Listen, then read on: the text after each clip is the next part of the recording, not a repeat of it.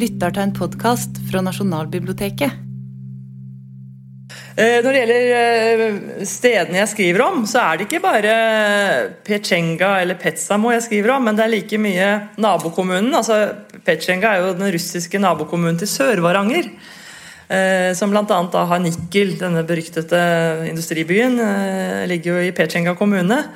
Men jeg skriver også om Sør-Varanger og steder der som er forbundet med Trifon. og det kommer jeg inn på etter hvert, bl.a. Neiden i, i Sør-Varanger.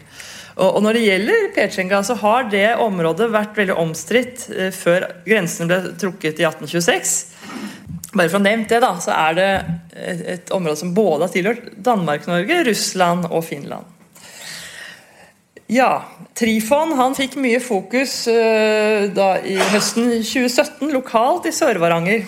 Fordi man skulle åpne en eh, ny vei. Det, vil si det var den gamle eneste veien mellom Norge og Russland. Mellom Kirkenes og grensepunktet ved Storskog, eller Boris Gleb. Eh, Denne veien fortsetter jo, da det er Europavei 105, som fortsetter via Murmansk og helt ned eh, gjennom eh, Karelen, Petrosavodsk, St. Petersburg og videre faktisk helt til den omstridte Krimhalvøya. Så Det er Europas lengste europavei. Og Norge har jo bare noen ca. 15 km av den veien, som da var oppgradert for jeg lurer på om det var 800 millioner. Og I det prosjektet så inkluderte det en ny eh, bru over Bøkfjorden, som er den fjorden som eh, Pasvikelva munner ut i. Og så eh, Ved munningen av Pasvikelva så er det en, eh, en høyde som heter Trifonhøyden. Den tunnelen som gikk gjennom denne høyden, eller under høyden, skulle hete Trifonbrua. Og dette visste ikke jeg eh, før jeg var en studiereise opp til eh, Sør-Varanger i 2016. Og så fikk jeg høre om denne tunnelen som skulle hete Trifonbrua. Og Da var i sluttspurten på manuset og skrev om stedsnavn som er forbundet med Trifon uh, i Sør-Varanger, for det er ganske mange stedsnavn faktisk, etter gamle legender, uh, så måtte jeg også nevne det nye tunnelnavnet, Trifon-tunnelen.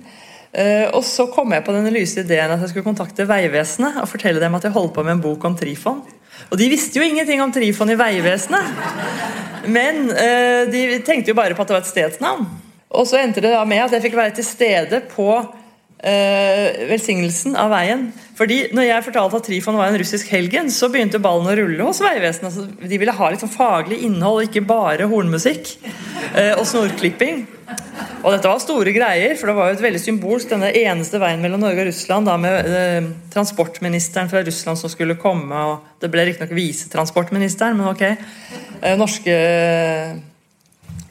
Selvfølgelig statsråden innen, innen eh, kommunikasjon og veibygging og alt dette. Eh, Men i alle fall så fant de ut at de skulle ha en kirkelig markering eh, med erkebiskopen, eller metropolitten av Murmansk og biskopen av Nord-Hålogaland, som da velsignet veien. Og det har aldri skjedd før i norsk veihistorie med en økumenisk veivelsignelse. Og det er min skyld. Det er den, de, jeg tror ikke de hadde kommet på ideen. for å si det Sånn Så det er, det, sånn er det når den ene ideen tar den andre. Men det var ikke jeg som ba dem om å gjøre det. Det var helt deres eget initiativ. Men sånn ble det. Eh, Så det er en unik vei. Men hvem var nå Trifon? Han har jo liksom vært en veldig legendeomspunnet pga. alle disse lokale sagnene. Skoltesamiske sagn i grenseområdet. Men han er en dokumentert historisk skikkelse, og jo mer jeg begynte å grave, jo mer omfattende var viser det seg at det historiske kildematerialet var av både tyske og nederlandske og russiske og, og norske samtidige kilder. Men Trifon var altså en russisk munk. Han var aldri prest, men han var en klostergrunnlegger eh, som da var født i eh, omtrent eh, altså 1495, sånn cirka. Vet, det står i gamle eh, utgave av det russiske helgenvite at han døde i sitt 88. år. Og så vet vi at han døde i 1583, så det gir jo da fødselsåret sånn cirka. Og Han var altså misjonær blant eh, skoltesamene, en, som er en gruppe, undergruppe av østsamene. Det finnes jo flere eh, grupper østsamer. Eh, Men han var da den første misjonæren blant dem. Hadde riktignok andre altså medhjelpere også. Og så grunnla han eh, flere kirker og klostre. Det viktigste er jo Pechenga-klosteret, som har en veldig omskiftelig historie. som jeg skal komme inn på etter hvert. Det er dagens utgave. Det er altså gjenbygget for tredje gang. Det som står der nå, er bygget på 2000-tallet. Det begynte vel i 2009. Og selve kirken ble innviet i, i 2012. I, bygget i en gammel russisk tømmerstil som etterligner den kirken som sto der på 1800-tallet. Så har vi eh, kapellet i eh, Boris Gleb, eh, som er da en sånn russisk enklave. Veldig fascinerende historie. På vestsiden av Pasvikelva, altså på den norske siden kan vi si, av Pasvikelva. Og, Logisk sett så skulle jo det utgjøre tilhøre Norge, men slik ble det ikke. og det kommer jeg inn på etter hvert. Dette er Nykirka fra 1874, men ved siden av den så fantes det frem til andre verdenskrig et lite tømmerkapell som etter tradisjonen var bygget av Trifon selv, egenhendig. I 1565 var det innviet. Og så har vi da det lille skoltesamiske St. Georgs kapell i Neiden, og Der er det skjedd en sammenblanding av tradisjonen. som mange, veldig mange steder så står at det også er bygget i 1565. Og kanskje var uh, det første kapellet i Neiden bygget omtrent samtidig som det i Boris Gleb. Det er ikke usannsynlig. Av munker fra Petsjenga kloster. Som var, på det tidspunktet begynte å, å, å bli rikt og mektig pga. handel. Men uh, sannsynligvis er det som står der i dag, en nyere uh, erstatning. Altså ikke ny, for det er jo antagelig 200 år gammelt, eller noe sånt, ut fra man har sett på årringene i tømmerstokkene. Og det er den fysiske si, arven etter Trifon. Men så er det også mange stedsnavn og legender og, og beretninger og ikoner og hymner og folketro og masse annet som jeg skal vise. Tilbake da til hvem var Trifon? Uh, han skal da ifølge Helgenvita, altså helgenberetningen, den offisielle kirkelige biografien, kan vi si Det eldste eksemplarene vi har, er helt sånn fra overgangen 1600 til 1700. De eldste manuskriptene som er bevart om Trifons Vita. Men vi tror at de er bygget på eldre kilder som er gått tapt. Uh, hans disipler, munkene som kjente ham osv. Alle disse små fortellingene eh, har da blitt overført til Vita. og der får vi vite at han var prestesønn og kom fra en eh, liten by som heter Terzjok, eller i nærheten av denne byen, som ligger i Tver-distriktet, mellom Moskva og det som senere ble St. Petersburg. Eller Novgorod. Altså det, Novgorod var jo et stort område, ikke bare byen. Det var jo en stat i middelalderen som etter hvert ble slukt av Moskva. Og Da Trifon ble født, så var den uh, Novgorod underlagt Moskva-riket. Men uh, det er i hvert fall Novgorods tidligere område, da. Og I dette området så var det mange som uh, var kjent med ishavskysten, som dro dit på jakt, på fiske. For Det var jo vårtorskefiske, veldig bra jaktmuligheter. Sjøpattedyr, eventyrlig pelsfangst var det mulig. Så dette var nok godt kjent i det området Trifon kom fra. Slik at han var nok nysgjerrig og uh, ble med kanskje en sånn gruppe. Kanskje dro han også for selv å drive handel til å begynne med. Det kan virke slik ut fra Vita, for det står at han først drev med handel, og så blandet han det kristne budskapet inn i dette. Uh, og I Vita så er det veldig sånn fromt skjema om hvordan han var. altså En veldig from gutt, veldig prektig. Fastet og gikk i kirken. Han var en sånn skikkelig ideell prestesønn. Uh, og så hørte han en vakker dag, mens han, han likte seg veldig godt i, i skogen, hjem, i hjemtraktene, så hører han da Kristus som taler til han og ber han om å reise til en tørstende ein, altså et tørstende land langt mot nord. Så han bryter da opp uh, for å spre uh, evangeliet. Men det er jo da den kirkelige, fromme versjonen av hvordan han havnet der. Uh, en helt annen versjon, og det er det som er så interessant med Trifon, at det er to vidt forskjellige versjoner av hans historie om hvordan han havnet i det høye nord. og det er Lapologen, altså den første professoren i samisk språk ved universitetet her i, Oslo, eh, Jens Andreas Friis. Han var også romanforfatter. Eh, han skrev jo mye om samene, for det var det han var ekspert på. Han skrev også en roman som ble populær, eh, nemlig 'Klosteret i Petsjenga'. Skildringer fra russisk Lappland. Og Det er en eh, kjærlighetsroman, og en veldig dramatisk, bloddryppende sådan. Men den utkom både da først på, på norsk, og dette er annet opplag, Eh, hvor vi da ser Trifon som da dyrker marken ved, ved klosteret. Og Friis han baserte seg på historiske kilder. Han eh, var jo god på å gjøre research og fant historiske dokumenter om Trifon. Og Der er det en ganske annen historie som fremgår. Det er altså at Trifon var en voldelig røver, blodtørstig røver, og myrdet sin elskede Elina hans kjæreste Elina, ved et uhell fordi at hun kastet seg imellom når han skulle til å hugge en av røverne i hans bande som hadde vært illojal. Så uheldigvis, da når hun kastet seg imellom for å berge denne andre karen, så traff sverdet pannen hennes i stedet, så det ble kløvet, og hun døde. Og, og han ble da dypt ulykkelig og dro da til ødemarken for å gjøre bot. Og det er eh, romanens Trifon-fortelling, som står helt i motsetning til kirkelige Vita. Så hvordan klare å Hva er sant her? Det var jo noe av liksom det jeg prøvde å nøste litt eh, opp i. Så viser det seg da at det finnes en historisk eh, person som har snakket med Trifon, og som har etterlatt sin uh, gjenfortalt av det Trifon opplyste til ham. Og det var en nederlandsk kartograf som heter Simon von Salingen. Uh, han var handelsmann og, og, og, skipper og veldig kjent, lokalkjent i området hvor klosteret lå. Fordi han handlet med, med munkene. Og så fikk han senere, i 1601, oppdrag fra Kristian 4. Han gikk etter hvert i Kristian 4.s tjeneste Eh, og tegnet et stort nordenkart Norden-kart. Et fantastisk detaljert kart når vi kommer til kystområdene i nord. Og han overvintret minst eh, et par ganger i Pechenga. Og det gjorde at han ble ordentlig, fikk gode muligheter til å møte og samtale med Trifon. Og nå skal jeg faktisk lese hva Simon von Salingen skrev i sine erindringer. Han skriver altså i 1591 så samlet han disse erfaringene fra Lappland i et skrift. Og Han skriver om seg selv i tredjeperson, og han sier Trifon har også fortalt Simon von Salingen om hvordan han begynte å bygge klostrene i Munkefjorden, hva som fikk ham til å gjøre dette, og hvordan han kom dit.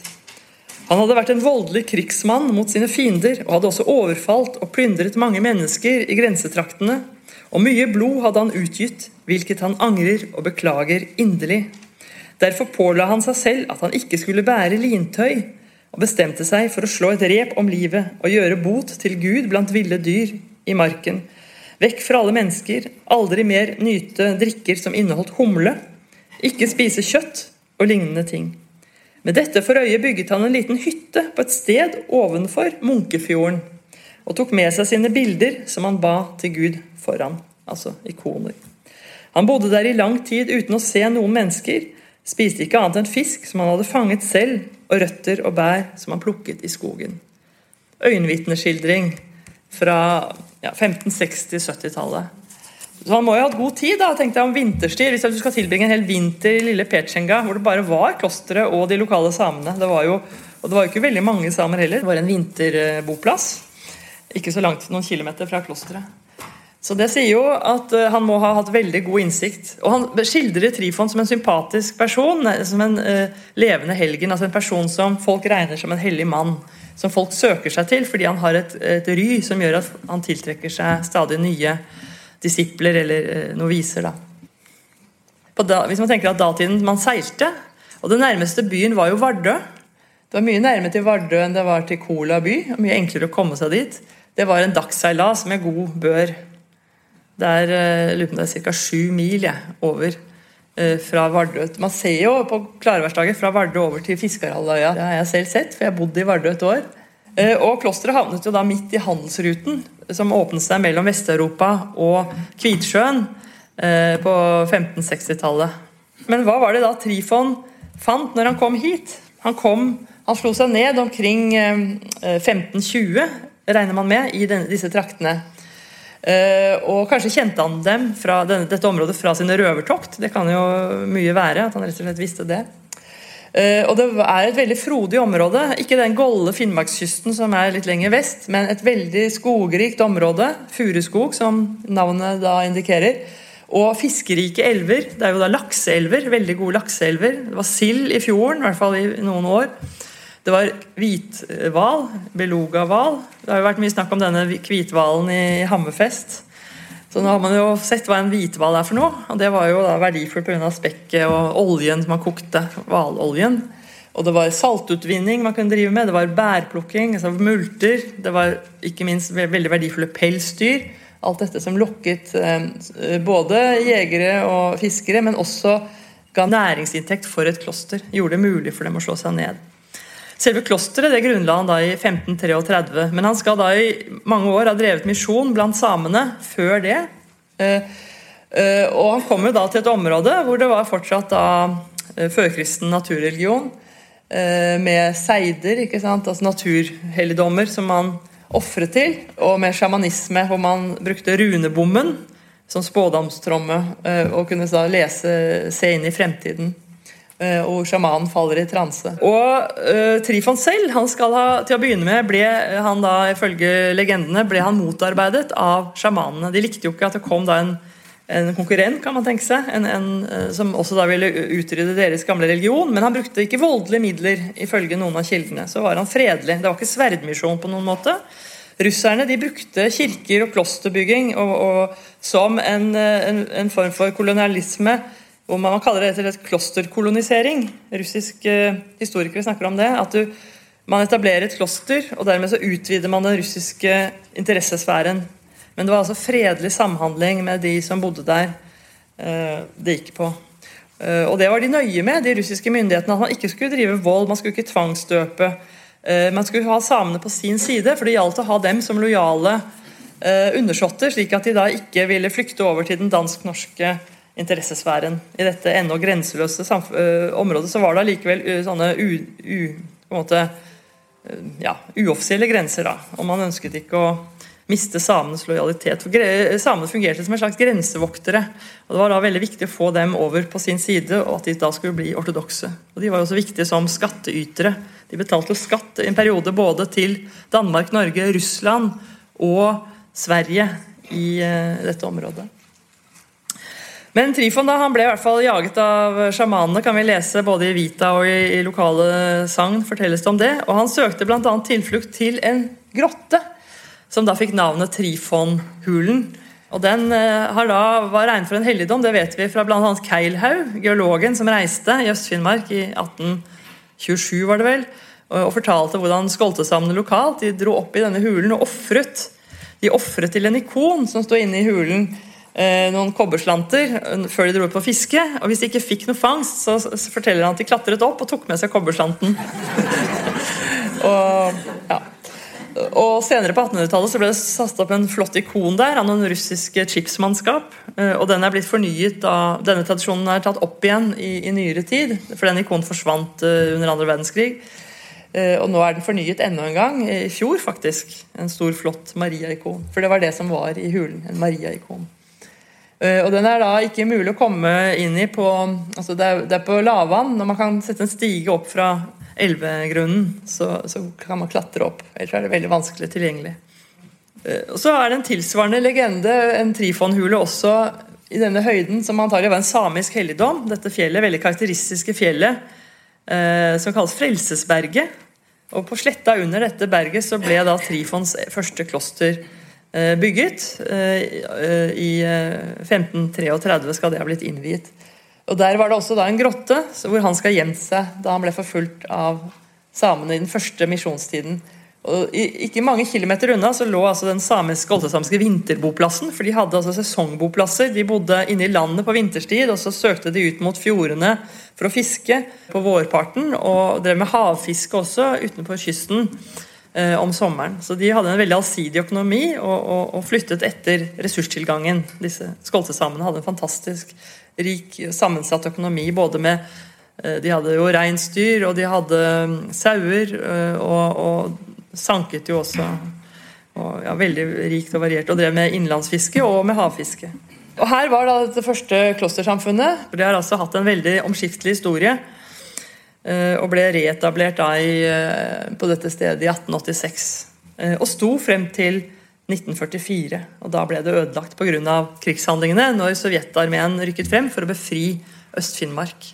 Og Det var en tysk eventyrer som het Heinrich von Staden, som også var i dette området på 1500-tallet. Han skriver Petsjenga er et kloster som ble grunnlagt av en munk ved navn Trifon, som dro dit fra store Novgorod, altså Novgorod-området, da, for 23 år siden, via Norge og Vardøhus i Lappland.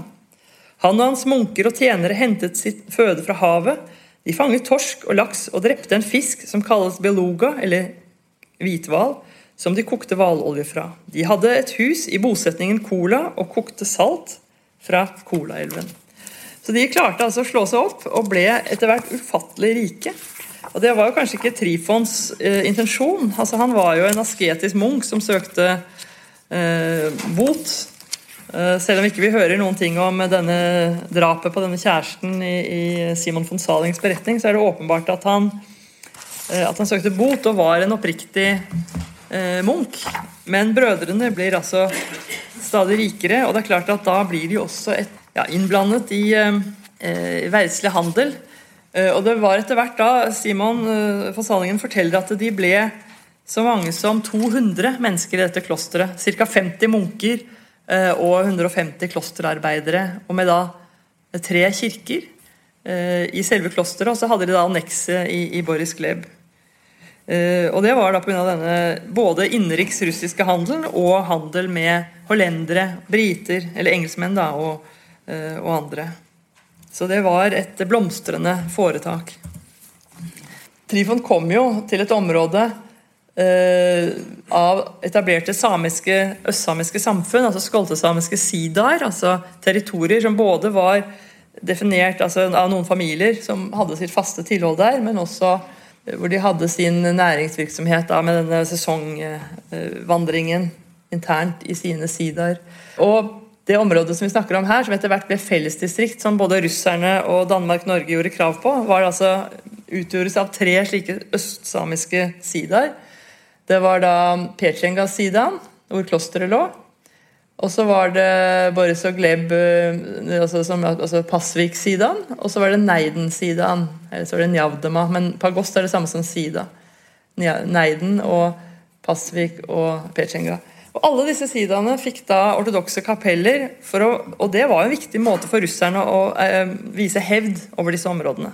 For dette var jo en grensesone som russerne veldig gjerne ville markere makt over. Og for å kunne gjøre det, så var kirken et veldig viktig redskap. Og de utnyttet jo også, det må sies, eh, i stor grad de lokale samene som arbeidskraft. Eh, og de krevde skatt av dem. Men klosteret fikk skattefrihet.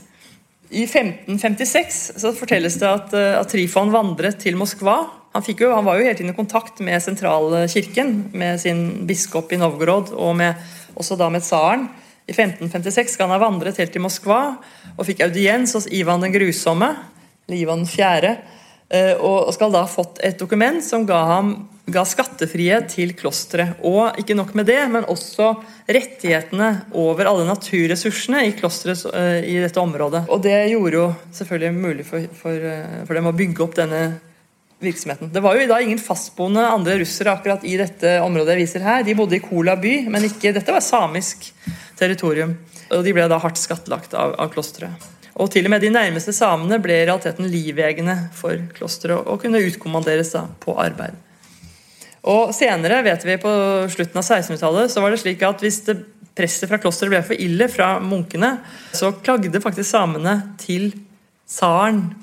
Peter den store fikk et sånt klagebrev fra samene på slutten av 1600-tallet. Hvor da altså russiske tsaren ble en slags beskyttende person for samene overfor i forhold til klosteret. Det er veldig interessant, og Dette dokumentet er blitt tatt vare på til den dag i dag, for det ble regnet som et hellig dokument av disse skoltesamene. Så Det er også en interessant historie. Hvordan faktisk Den russiske statsmakten var veldig opptatt av samenes ve og vel, så de ikke skulle da skifte lojalitet. ikke sant? Det gjaldt å holde på disse grenseboerne. Trifon var ikke alene i sin eh, misjonsvirksomhet. Han, han, var selv en ulærd mann, fortelles det. og Det er kanskje grunnen til at han ikke ble prest, at han ikke kunne faktisk ordentlig lese og skrive. Men han var den åndelige inspiratoren, grunnleggeren. Men han hadde misjonsprester med seg som var høyt utdannet, bl.a. Uh, Feodorit, uh, som etter hvert ble kanonisert. Feodorit av Kola, som kunne gresk og også skoltesamisk, eller lærte seg samisk. Og han skal da på si, midten av 1500-tallet ha oversatt de første tekstene til samisk. Og dette er lenge før man oversatte til samisk i, uh, i Danmark, Norge og Sverige. Altså det var kanskje rundt 1620 at man fikk den første oversettelsen til samisk i Sverige. Feodorit, da, som var Trifons samarbeidspartner, han var virkelig en pioner. Som fortjener egentlig å bli mer kjent for denne uh, oversettelsen. Men den er ikke bevart. Dette var jo gjerne bønner, kort, altså gudstjenestetekster, bønner som han trengte til å feire liturgien. Han hadde en kjent biograf som, som kjente ham personlig. Hans åndelige barn, kan vi si, hans skriftebarn, som var en veldig kjent russisk fyrste, som gjorde opprør mot Ivan Grusomme for øvrig. Og Han har skrevet Fjodoris livshistorie, og der står det at han gjorde så stor suksess fordi han behersket samisk. Det er veldig interessant. Og denne, denne biografien er oversatt til engelsk, faktisk. Så det, en, det inngår i et mye kjent verk. da. Eh, den skoltesamiske kulturen forble veldig altså stabil, liksom måten de levde på, helt frem til ja, ca. 1900, den gamle levemåten, med denne sesongvandringen. Men dessverre, da, etter hvert så ble de fratatt alle sine rettigheter gradvis. Eh, retten til reindrift, retten til fiske i f.eks. i Neidenelva. Eh, så de ble fortrengt. og det var en veldig, veldig stygg historie. De havnet nederst. Fra å være veldig velstående samer, så endte de nederst i hierarkiet blant de ulike samiske gruppene. Men i Finland så eksisterte det altså skåltesamiske livsmønstre helt til uh, utbruddet av krigen i 1940. 39 var altså siste i Suenjel, Suenjel, som ligger da sør for Petsamo. Det var den siste skanse kan vi si, for den sånn, gamle skåltesamiske levemåten. Dette med å ha svære altså tamreinflokker er jo noe nye mye senere enn den skoltesamiske levemåten. Uh, ellers så drev jo, hadde de veldig interessant uh, samme, altså arbeidsdeling. Altså Kvinnene drev med fjordfiske, uh, og de yngre barna. Og de sterkeste mennene, unge, spreke mennene, de drev med havfiske fra større båter. Drev altså med torskfiske. Og de var gode, veldig gode båtbyggere. De solgte også til nordmenn, disse båter som de bygget. Når det gjelder Trifon selv, så er det jo mange skoltesamiske legender om ham. Eh, og noen av dem har også funnet veien inn i, i Helgenvita. Det fortelles at det kom en bjørn inn i cella til Trifon mens han hadde da satt en eh, brøddeig til heving. Eh, denne bjørnen forsynte seg av matfatet. Og øh, den skal da ha Trifon skal straffe bjørnen eh, med å tukte den, vil slå bjørnen. Det er jo ikke sånn Frans av Assisi-oppførsel, akkurat. Eller Hieronymus som liksom trakk ut hornene av poten. Han var jo veldig sånn hard i klypa. Og han eh, skal da bedt sagt til bjørnen at dere skal aldri mer plage klosteret, ta buskapen eller, eller plage klosteret. Hvilket da visstnok aldri heller skjedde. Og skoltesamene fikk jeg vite av en skoltesame. De har et sang opphavssagn som forteller altså hvorfor har eh, bjørnen så korte ører. Og det er, historien er jo fordi Trifon tok bjørnen i ørene, og så holdt den så gjorde den sånn. Og Trifon han ble da en gammel mann og hadde da opplevd at dette, som hadde begynt som et bitte lite misjonsforetak og et lite fellesskap, kanskje med noen samiske noviser også, eh, ble da en stor, blomstrende si, bedrift med vindmølle med kyr, med hester. Alt rikdommen. Eh, og mye penger på kistebunnen. Eh, og han døde da i 1583, gammel og syk. Eh, og han skal da på dødsleiet ha profetert at klosteret skulle bli ødelagt, mange skulle bli drept, falle ved sverd, men at klosteret skulle bygges opp tre ganger. Og det gikk ikke mange år, så kom en finsk bondemilits dette skjedde i 1589, i desember. I, i, I, eldre versjoner så står det at det skjedde julenatt, men det vet man av historiske kilder ikke stemmer. Det skjedde litt tidligere i desember, for de gikk senere til Kola by, som de prøvde å erobre, men der ble de slått tilbake. Og dette var jo en urotid. Eh, det var jo også før eh, en veldig langvarig krig eh, som fulgte, men den var ennå ikke erklært, denne krigen. Det var vel året etter. Det varte vel i 25 år, faktisk, denne krigen, med noen opphold. Eh, og det var jo nettopp eh, nordområdene som var det man eh, som stridens kjerne. Hvem skulle ha kontrollen over disse rike områdene? Men i hvert fall, så disse røverne de var jo fristet av rikdommen i klosteret og myrdet munkene ned for fote, så alle som var til stede i klosteret og ikke på handel, de ble drept. Legenden sier at, eller Tradisjonen sier at det var 116 som ble drept. Men opptellingen viser i flere forskjellige historiske kilder at det i hvert fall var 95. Uansett, et forferdelig massakre i et skrint befolket område. Eh, og de døde de ble jo da, Klosteret ble også brent ned. De ble da gravlagt i en massegrav. Og over den så ble det lagt noen svære granittheller. Og dette er et et provisorisk eh, bygg over stedet, så det skal jo etter hvert, kanskje allerede nå, ha blitt et mye finere minnekapell. Det var jo forsøk på å gjenopprette klostervirksomheten der på 90-tallet, men det var jo vanskelig, for det kom i kollisjon da med denne militærleiren. Men det fins et uh, unikt dokument i Det norske riksarkivet, uh, som da er uh, rett og slett skattefogden, som har Vi hadde jo da administrasjonssenteret i Vardø, norske myndighetene i Finnmark.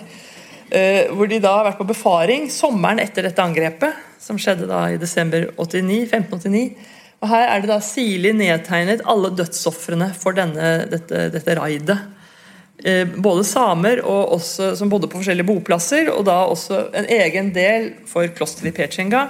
Og Der er det vel 95, 95 navn. Og De er ordnet hierarkisk med, eh, med abbeden øverst.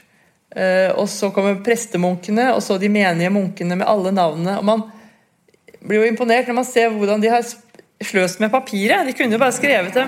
Papiret var dyrt på denne tiden. Og det sier jo noe om hvilken på en måte, ja Det må ha gjort enormt sterkt inntrykk også på de dansk-norske embetsmennene, som jo hadde med disse munkene å gjøre. Det skal vi huske. De dro jo på noen uh, reiser i dette området og snakket jo selvfølgelig med abbeden og hadde sikkert drukket vodka med ham. Og, dette var jo mennesker de kjente, disse munkene. De hadde med dem å gjøre, for dette var jo også et i dansk-norske øyne et norsk-dansk territorium.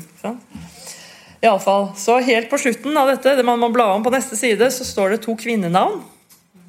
Eh, det er antallet samer, lokale samer som da kanskje hjalp til med reinflokken, for de hadde jo reinflokk. Var rett og slett budeier, på en måte, da, eller jobbet med kyr og, og med rein, antagelig. To kvinner i, i munkeklosteret. Men de, de jo, var jo avhengig av hjelp eh, fra de lokale samene. Klosteret ble da, etter at det var eh, brent ned, så var det altfor viktig strategisk til at man kunne nedlegge virksomheten. Så man flyttet klosteret til Kola by etter tsarens ordre i 1591. Så de fortsatte da med sin, eh, munkene med sin fiskerivirksomhet og saltkoking og alle disse tingene som gjorde at de ble så rike. Eh, men Trifons gravsted var ikke glemt. Det ble et slags mekka for Kolaløya. Det er faktisk en det er en beskrivelse fra tidlig 1800-tall at det ble kalt for Kolalhøyas Mekka. Det var en russisk admiral som dro på oppdagelsesreise i dette området for å kartlegge det. Han sier at ingen same med respekt for seg selv kan la være å dra hit minst én gang i løpet av livet og, og falle ned ved Trifons grav og ære Trifon. Uh, og denne lille kirken som ble bygget da over graven, den er nok en senere erstatning. Til å begynne med var det kanskje bare et enkelt lite kapell. Uh, Hyndelsmesskirken, altså Kristi frembæring i tempelet. Det er jo en minnefest i, i februar for det. Den eksisterte, altså den Bygningen ble kraftig ombygget, men den eksisterte altså til 1944, den bygningen der, i ombygget form. Hvis man leser Trifons Vita, så står det at han for, som en botsøvelse så, så, kjøpte han en håndkvern i Kola by, og så vandret han over lyng og hei. Det er veldig kupert område. Det fikk jo de tyske soldatene erfare i, under krigen, når de skulle krige mot uh, russerne der. Enormt krevende landskap å gå i. Uh, og Trifon skal ha vandret da på fastende mage i 15 mil uh, fra klosteret til Kola by med denne kvernen, håndkvernen på ryggen. uten å smake vått eller tørt. Og det må jo ha vært en tre dager eller noe sånt. I hvert fall å gå. Og da skjønte jeg hvorfor den er stilt ut der sånn på en påle ved kirkeveggen. Det er rett og slett Trifons håndkvern.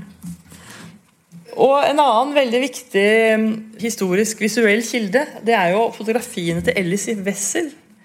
Finnmarksfotografen. Hun var jo egentlig fra Sør-Norge, eh, fra en av dal dalførene. Men, eh, men hun, seg, hun, ble gift med han som ble distriktslege i, i Sør-Varanger doktor Wessel. og Hun ble jo som legehustru, men hun ble veldig kjent etter hvert som uh, fagforeningskvinne. Som var med på å organisere uh, fagforeningen for Raios Syd-Varanger. Uh, og som fotograf, og etter hvert av glødende sosialist. Som brevvekslet med Trotskij bl.a. Og hun ble venn med munkene i Petsjenga og med og De bildene hennes er fantastiske, viktige kilder til hvordan dette stedet har sett ut, og dagliglivet i klosteret. Og Hun må ha fått en form for avtale, fordi hun, hun har fått altså, munkene til å posere for seg. og Det ville de aldri gjort hvis ikke dette var abbeden. Abbeden hadde gått inn og, og gitt sin velsignelse til det. Det er den samme kirken i ombygget stand. Og Den ble jo da et praktfullt uh, kirkerom. Dette var jo da forgylte uh, rammer og sølvbeslag på ikonene. Og Her inne er den eldste delen, og her står en sarkofag, eller egentlig en kenotaf, en tom likkiste over Trifons grav. Og fra denne, dette stedet kom munker fra Solovki, fra dette kjente klosteret Kvitsjøen, og hjalp til med å reetablere klosteret. Og, og russerne, Dette var jo bestemt av ledelsen i den russiske kirke i St. Petersburg, Den hellige synode, og av tsaren i siste instans. Man så rett og slett at dette klosteret hadde en veldig viktig funksjon som en åndelig grensefestning. Og det er veldig interessant i, i nordområdene. Kirkebygg har fungert som åndelige grensemarkører. Og det gjelder både på russisk side og på, på norsk og finsk side også til dels. Eh, vi har jo da f.eks. kirken i, i grense Jakobselv som er et veldig godt eksempel på akkurat det. Som var, I stedet for å ha militærforlegning, så ville en kirke være mye mer effektiv, for russerne respekterte jo religionen så mye. Det var altså norske argumentasjonen. Heller kirken kanonbåter. Fordi ortodokse russerne respekterer kirke. Hvis en kirke markerer hvor grensen går, så vil de respektere det. For det hadde vært mye grensekrenkinger da. Uh, og sånn også var det da Argumentasjonen for å gjenreise Petsjenga-klosteret det var at det var viktig å, å markere den ortodokse kirkes nærvær i et område hvor det var en stor trussel fra både andre russiske sekter, men også fra de skumle protestantene. Og ikke minst de skumle katolikkene som hadde etablert seg i Alta med Nordpolmisjonen. Eh, veldig spesiell historie. Men eh, ja, så det var frykt for, for fremmed innflytelse da, på innbyggerne i dette området. Og dette ble et uh, mønsterbruk. De fikk omtrent 200 uh, eh, som bodde der den gangen, altså på nytt, sånn som de hadde hatt på 1500-tallet. Med noviser og med arbeidere og, og, prester og alt sammen. Til sammen ca. 200 mann. Og med pilegrimer. Kanskje 3000 pilegrimer i løpet av et år. De ble etter hvert uh, en dampskipsrute som anløp også uh, Petsjenga mellom Arkangelsk og Vardø. Og det ble reklamert for klosteret gjennom rederiet, så dette var sånn vinn-vinn-situasjon. De kom gjerne fra, altså med regnskyss, hvor det var skoltesamiske reinførere som, som, tok det med da, sånne reinpulksleder eh, til, på vinterføre da, til Pechenga. Og Hun fikk også lov til å fotografere disse som hadde skole. Disse unge klosterarbeiderne hadde noe slags skolegang i klosteret. Lærte å synge, bl.a. Ortodokse hymner.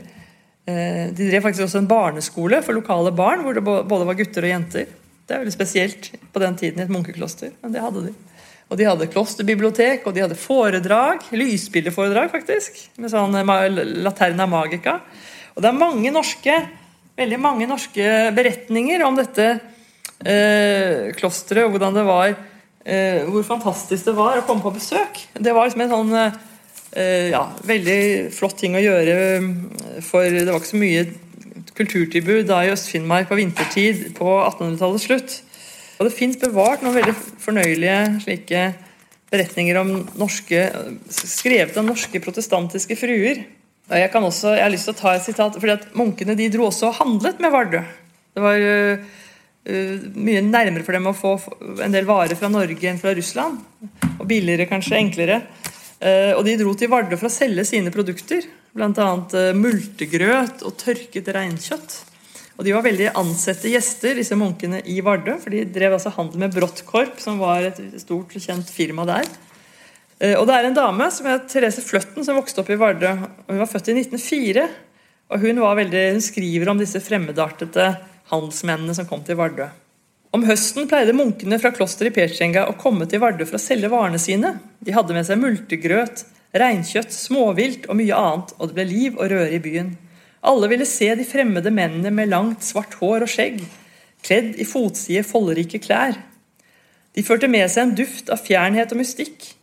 Vi hadde hørt mye om dem fra før, for mange vardeværinger som hadde råd til det, pleide å reise til Petsjenga i påsken og overvære de religiøse seremoniene der. Der ringte kirkeklokkene døgnet rundt i påsken. Der var det voksendåp og barnedåp og stort folketreff, så det skjedde ting som kunne gi næring til fantasien. Det ble også sagt, da, eh, og det er faktisk en kilde, en, av disse frivillige uh, unge russiske klosterarbeiderne som jobbet der kanskje et år som sånn volontør, som fortalte at det gikk mye historie om at munkene hadde seg med en del av uh, samekvinnene i denne landsbyen noen kilometer unna. Så det var nok en del om det ikke var munkene, men det kanskje var andre ja, Det kan jo ha vært litt av hvert som har foregått uh, i mørke vinterkvelder. Det var, ikke alt som, det var jo ikke alt som var like front. Og, og det var også et utbredt alkoholproblem blant en del. Så vi skal ikke bare romantisere det. På ingen måte. I 1920, etter første verdenskrig, så ble Petsamo-området overført til Finland. og Det vedvarte jo da til krigen. Eh, etter krigen så ble det igjen sovjetisk territorium. Men altså det var finsk fra 1920 til 1944, kan vi si. Eh, og Da skrumpet antallet munker inn, for de fikk ikke noen nyrekruttering. De var kanskje en 20 mann, eh, etter hvert mindre, og færre og færre. Og til slutt bare noen få munker igjen som måtte flykte under andre verdenskrig til Finland. De endte opp i et kloster som heter Nye Valamo. Den eldste gjenlevende munken fra Pechenga han ble 110 år gammel. Han døde altså i 1984. På det tidspunktet var han Nordens eldste menneske. Så, eh, så Klosteret var som sagt eh, ødelagt i 44. Munkene hadde flyktet, de få som var igjen.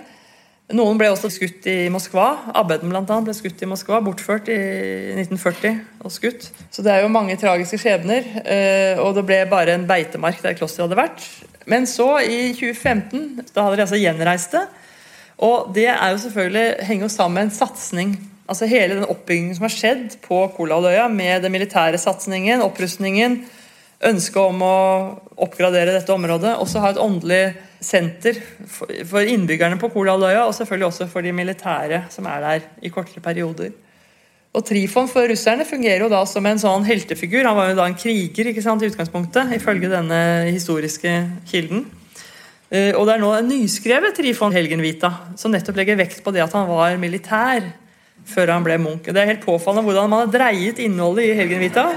Fra å være liksom en from gutt som fastet og gikk i kirken hver søndag, til at han var yrkesmilitær som elsket sitt eh, militære yrke. Før han da ble, dessverre ble røver. da. Det har han ikke lagt skjul på, han som har skrevet Evita. Men så for å ha en rollemodell for alle disse militære. Eh, og det er jo ikke tilfeldig at klosteret nå ligner på en festning med disse tårnene. Det er jo noe de antagelig ikke hadde. I hvert fall ikke på 1800-tallet. Det er jo noe de mener at de, at de hadde på 1500-tallet, kanskje. Og I 2016 så var patriarkene av Moskva og hele Russland, Kiril, på, på visitas i klosteret. Eh, så det var jo også en måte å fremheve det på, løfte det opp og gi det nasjonal betydning igjen. Fra en veldig trang start på 1990-tallet. Og i dag så er det en praktfull eh, kirke. Det er jo ikke mange munker der, det er kanskje sju stykker da jeg var der sist. Og de har da en del frivillige arbeidere også. Jeg må, Før vi avslutter, så må jeg si noen ord også om eh, de andre stedene Trifon knyttes til. Det er jo da Boris Gleb som er blitt et grensesymbol. Altså Stedet Boris Gleb har jo navn etter kirken. Boris Gleb kirke. Boris Gleb er jo to russiske fyrstesønner, to prinser, eh, to fyrster, som ble drept av en tredje bror i, i, i maktspillet om tronen eh, i 1015. Og Deres far var jo kristningsfyrsten Vladimir den store, eh, for øvrig, som, da er, som har gitt navnet til stedet. Og Det var jo da Trifons eldste kirke som hadde dette navnet, og kirke nummer to hadde det, også det samme navnet. Og Det var jo egentlig en, en eh, eldgammel skoltesamisk eh, sommerboplass. Det var rett og slett pga. laksefiske. For Det var en veldig bra lakseelv inntil det da ble bygget et kraftverk med norsk hjelp tidlig på 60-tallet. Gamle kapellet som eh, Trifon bygget etter tradisjonen, det er et lite, lite laftet kapell.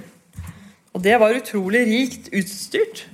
Eh, jeg har sett noen andre interiørbilder også, hvor det er altså ikoner i, i gammelrussiske ikoner i Novgorod-stil. Fantastisk eh, kostbare hvis de hadde overlevd. Dessverre så gjorde de ikke det. De, dette ble da brent ned i 44, det også i forbindelse med krigshandlingene og denne sovjetiske fremrykkingen. Og Det sies at uh, Trifon bygget dette kapellet i takknemlighet over å ha fått dette privilegiebrevet fra Ivan den grusomme. Det, om det stemmer, det vet jeg ikke, men det var i hvert fall en måte å markere hevd på området. Og det var jo også da rett i nærheten av den gamle skoltesamiske bosettingen. Jeg vil jo bare også si at uh, Trifon han havnet jo da som eller ble en skikkelse i mange russiske og eller særlig skoltesamiske sang, både på russisk og norsk side. Og Jeg skal ikke lese noen av dem, det har jeg ikke tid til. Men jeg vil bare, bare et veldig kort sitat. Uh, dette var et, en legende som ble fortalt i 1892 av en skoltesame. I gamle dager var der på jorden en hellig mann som var en stridskjempe. Han stred alltid bare med godvetter, riser, stallord og sjøormer overalt hvor de fantes. Så vi ser Trifon forvandles til en slags sånn Sankt Georg, som slåss med dragen. Eller en super, sånn superhelt. ikke sant? Så, så det jo, fikk jo veldig store dimensjoner. Og det var stedsnavn etter ham. Trifonholmen og Trifonskjær. Trifons eh, båtstø, altså en slags naturhavn. Mange sånne steder i, i Sør-Varanger som fikk navn etter ham. Og så har vi Klostervann, Klosterfjorden, Munkefjord osv. Og så har vi da Neiden, som var den vestligste av disse si, områdene, skoltesamiske sidaene hvor Trifon virket, eller hans munker. Og Der er det fortsatt en elv, en sideelv til eh, Neidenelven som heter Munkeelv. Det er klart at De hadde sin virksomhet der, og de må ha hatt ganske stor økonomisk virksomhet. I 1965 så gjenopptok man skikken med årlige eh, friluftsgudstjenester. Eh, med biskoper både fra Finland og prester fra Norge og andre ortodokse land hvis det var gjester. Eh, og Det samlet jo mye folk både fra norsk og finsk side. Kom gjerne en buss med samer fra Sevettijärvi Eh, som det er skikk da, som har vært holdt hvert eneste år siden 1965. Det er en pilegrimshelg hvor de har gudstjeneste først i Neiden, og så har de det på finsk side, som er bare noen mil unna, Sevettijärvi. Hvor det er et uh, ortodoks kapell til ære for Trifon også. Og så velsigner de Neidenelva med å dyppe dette korset tre ganger ned i elven. Og med en gang biskopen er ferdig, så styrter folk til og fyller vann, tomme vannflasker med dette vannet, som da blir vievann. Eh, og Det sies at det er den gamle dåpskulpen som man brukte for voksne. I dag så har vi jo fått en del innvandrere fra ortodokse land også i Finnmark. Og Dette var da en eritreisk familie, og de tilhører en gren av den ortodokse kirke. altså eritreisk ortodokse kirke. Og De skulle døpe barnet sitt, og da tok de kontakt med denne norsk-ortodokse presten. og Det var ganske spesielt. Dette var etter den offisielle delen av programmet var over. Så sto jeg der litt, og så plutselig kom denne familien i hvite kirkeklær. De har sånne festklær som er hvite. da. Det er ganske interessant at De kan identifisere seg med et flere hundre år gammelt skoltesamisk kapell fordi de er ortodokse. Ellers så finnes det trifonkirker både i Kirkenes, en russisk menighet der, i Nikkel er det trifonkirke, eller oppkalt etter Trifon. da. Og alle disse er jo ortodokse. Eh, en kirke i Murmansk med en nydelig mosaikk på enden. Og i Sevetjärvi og i den skoltesamiske bygda Nellim, som ligger på østsiden av Venaresjøen, er det også en trifonskirke. Alle disse stedene. Det sier jo noe om at han virkelig er Nordkalottens og grenseområdets helgen. Og i det hele tatt, Hvis man går inn på um, Wikipedia og ser på listen over norske helgener, så fant jeg sist jeg sjekket åtte navn. Og De fleste er jo da fra den romersk-katolske uh, kirke. Men der er også Trifon med som nummer åtte. Men helt til slutt denne brua som jeg startet med De skulle egentlig døpe den Trifon-brua, men de syntes kanskje det ble litt mye Trifon, så det ble Bøkfjordbrua i stedet. Med Trifon-tunnelen til venstre. Som da er lyssatt veldig fint på kvelden. Dette tok jeg med fordi Trifon jo da som en skikkelse fungerer som en brobygger mellom eh, folk både i Norge, Finland og Russland. Og ortodokse russere, men også da skoltesamer. Og etniske russere og nordmenn. Og, ja. Så jeg velger å se ham som et brobyggersymbol. Uh, russeren i dag uh, har begynt med en ny omdreining hvor han kanskje mer blir et sånt grensevoktersymbol. Så Det er jo spennende å se hvordan han omfortolkes og redefineres av ulike grupper som er interessert i å bruke ham. Jeg holder fast på brobyggerfunksjonen. Ja, takk for oppmerksomheten.